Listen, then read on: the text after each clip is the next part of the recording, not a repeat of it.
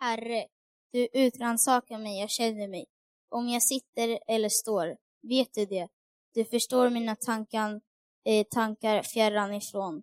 Om jag går eller ligger, utforskar du det. Med alla mina vägar är du förtrogen. Innan ett ord är på min tunga, vet du, Herre, allt om det. Du omsluter mig på alla sidor och håller mig i din hand. En sådan kunskap är mig alltför underbar. Eh, den är så hög att jag ej kan förstå den. Vart ska jag gå för din ande? Vart ska jag fly för ditt ansikte? Om jag far upp till himlen, är du där. Bäddar jag åt mig i dödsriket, är du där.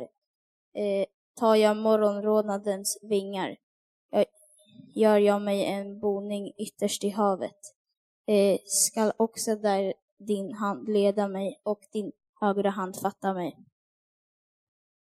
Om jag säger, må mörker falla över mig och ljuset bli natt omkring mig, så är inte mörkret mörkt för dig, natten ska lysa som dagen och mörkret vara som ljuset.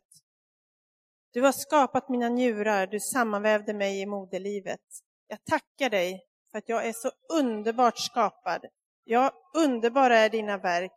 Min själ vet det så väl. Benen i min kropp var ej synliga för dig när jag formades i det fördolda, när jag bildades i jordens djup. Dina ögon såg mig när jag ännu var ett outvecklat foster. Alla mina dagar blev skrivna i din bok. De var bestämda innan någon av dem hade kommit. Hur dyrbara är inte för mig dina tankar, Gud? Hur stor är inte deras mångfald? Skulle jag räkna dem är de fler än sandkornen. När jag vaknar är jag ännu hos dig. Detta är Guds ord till oss idag. Gud, vi tackar dig. Jag heter Johan och jag är präst här i kyrkan. Jag har inte tagit alla färger jag hittade i garderoben idag. Det borde man ju tänkt på när det är en sån, en sån festdag. Eh, men jag ska i alla fall försöka säga någonting om den här bibeltexten som vi just har läst. Känns inte sådär jättelätt, för den var ganska lång, var den inte det? Eh, och lite svår. Men det är faktiskt en sak som är speciell med den också. Och det är det att det är inte bara en text. Det är en sångtext. Det här är en sång tagen från en väldigt gammal sångbok som heter Saltaren och som finns i Bibeln. För några veckor sedan så var jag på ett museum som ligger här ute vid Gröna Lund ungefär. Ehm, det var ett museum över en popgrupp som heter, eller hette ABBA.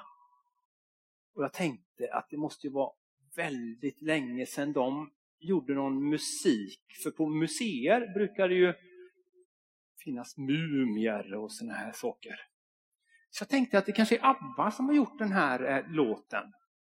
Till Melodifestivalen eller så. Skulle man inte kunna tänka sig det? Fast sen så läste jag lite noggrannare och då står det så här att, att den är av kung David. Vem var det? Ja, det var en kung i det gamla Israel. Jag försökte slå upp när han levde. Och det är ganska länge sedan. Är det hundra år sedan tror ni?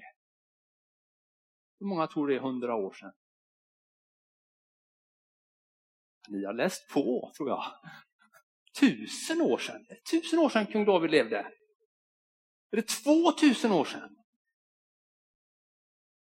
3000 år sedan. Det tog Daniel. Det är faktiskt 3000 år sedan. Det är ju stenåldern. Eller, eller åtminstone bronsåldern är det som han skrev den här sången. Och, eh, och kung David har jag läst i Bibeln, han var mycket för lovsång. Han gillade att dansa. Och han hade en, en, en rad musiker. Eh, både sådana som spelade trumpet, trumma eh, och så harpa av något slag tror jag också de hade. så här då.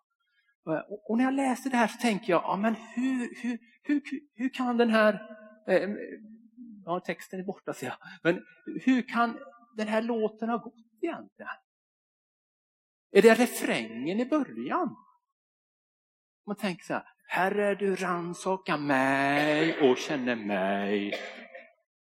Och så plötsligt kunde jag nästan se framför mig där hur David han hade, hade liksom någon, någon, någon kör där på 10-20 personer som liksom körde den här refrängen. Herre du rannsaka mig och känner mig. Och så gjorde de, gjorde de något moves, kanske the locomotives här. Herre du rannsaka mig och känner mig.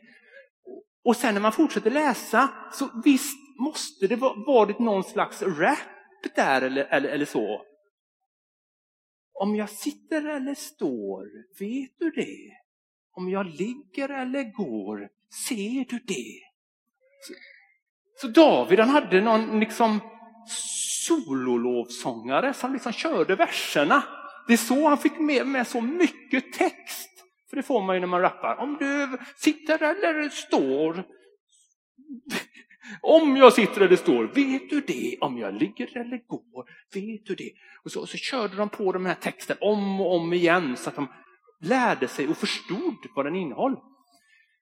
För det är så här att ganska många sånger som är 3000 år gamla, de är bortglömda. De har varit bortglömda i ungefär 2950 år. Men den här sången kommer man ihåg.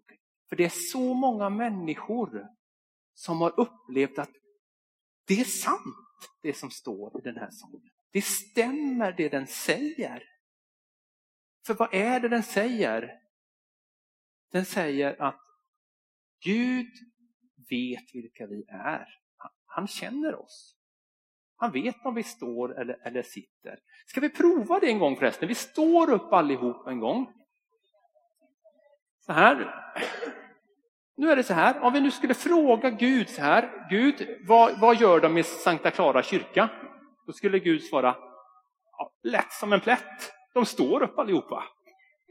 Om vi nu sätter oss ner igen, så frågar vi Gud, ja, vad gör de nu i Sankta Clara kyrka? Ja, de sitter ner allihopa. För Gud vet vad vi gör. Eh, han vet om vi är glada, han vet om vi är ledsna, han vet vad vi tycker om. Han, han vet vad vi, vad vi har för, för problem. Och så säger den här sången att det är viktigt för Gud hur vi har det. För att han bryr sig om oss. Han har omsorg om oss. Om man bara vill komma ihåg ett enda ord från den här eh, predikan så kan man komma ihåg ordet omsorg. Vad var det det handlade om? Jo, att Gud hade hade omsorg. Det är till och med så, som Linda plockade upp här ur min väska, att Gud har skrivit i en bok redan innan vi fanns till och planerat att just du skulle bli till. Han satt och skrev på, på fika och drack lite kaffe. Och så skrev han, en kille som heter Tage. Au, han ska födas som ett snart. Och han kommer att gilla fotboll. Han kommer att bli en bra kompis. Åh, jag känner mig väldigt nöjd när, när jag tänker på, på Tage. Eh, sen är det en sak till som ser om du bläddrar lite där i bibeltexten. Eh, ja, här som jag speciellt har tänkt på nu när det är väldigt mycket i den här bibeltexten. Eh, det är det här om mörker och ljus. Om det än blir mörkt och än det blir natt så är mörkret inte mörkt för Gud. Det tycker jag är ganska klurigt att förstå. Så jag har funderat på det. Och när jag gjorde det så kom jag att tänka på en sak som hände för några år sedan. Eh, för några år sedan i december någon gång så vaknade jag tidigt en morgon.